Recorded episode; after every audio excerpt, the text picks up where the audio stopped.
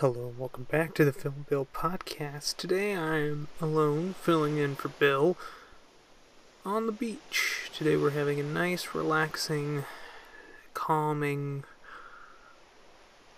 nice day at the beach. As you can hear the waves in the background, proving that I, Phil, am at the beach, where Bill is not. Hence why I'm filling in for Bill. Today's episode, we're going to be discussing a very serious problem in today's society. And that problem is, of course, our oceans. And the fact that we have not put enough garbage into them. Now, some people seem to think that pollution in the ocean is a bad thing. I say to those people, well, then what are the fish gonna eat? If we don't put trash in the ocean, what are the fish gonna eat? What do fish eat? That's a question that even the top scientists can't answer. But I can tell you fish eat trash. That's why we dump it in the ocean for them. Because we are good people. Except for the people that are trying to stop us from putting the trash in the ocean. Which means that those are the people that are trying to starve the fish.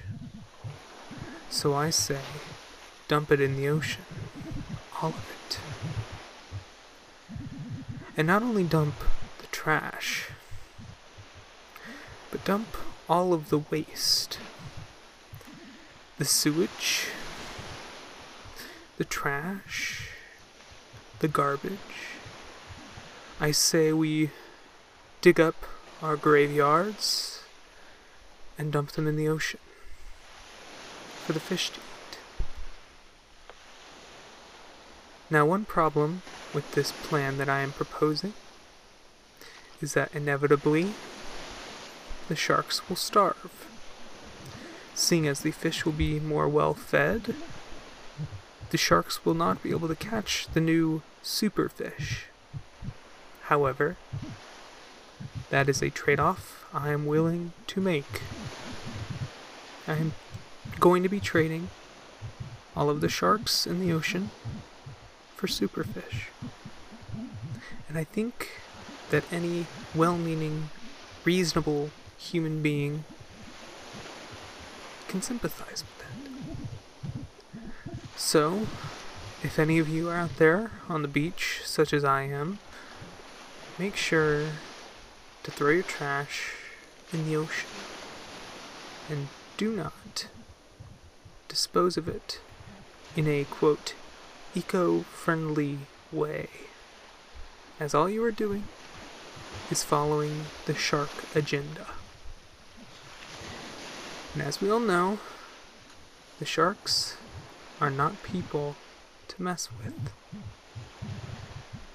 So don't follow their agenda, don't listen to them, and do not let them into your homes. I repeat, do not let the sharks into your home.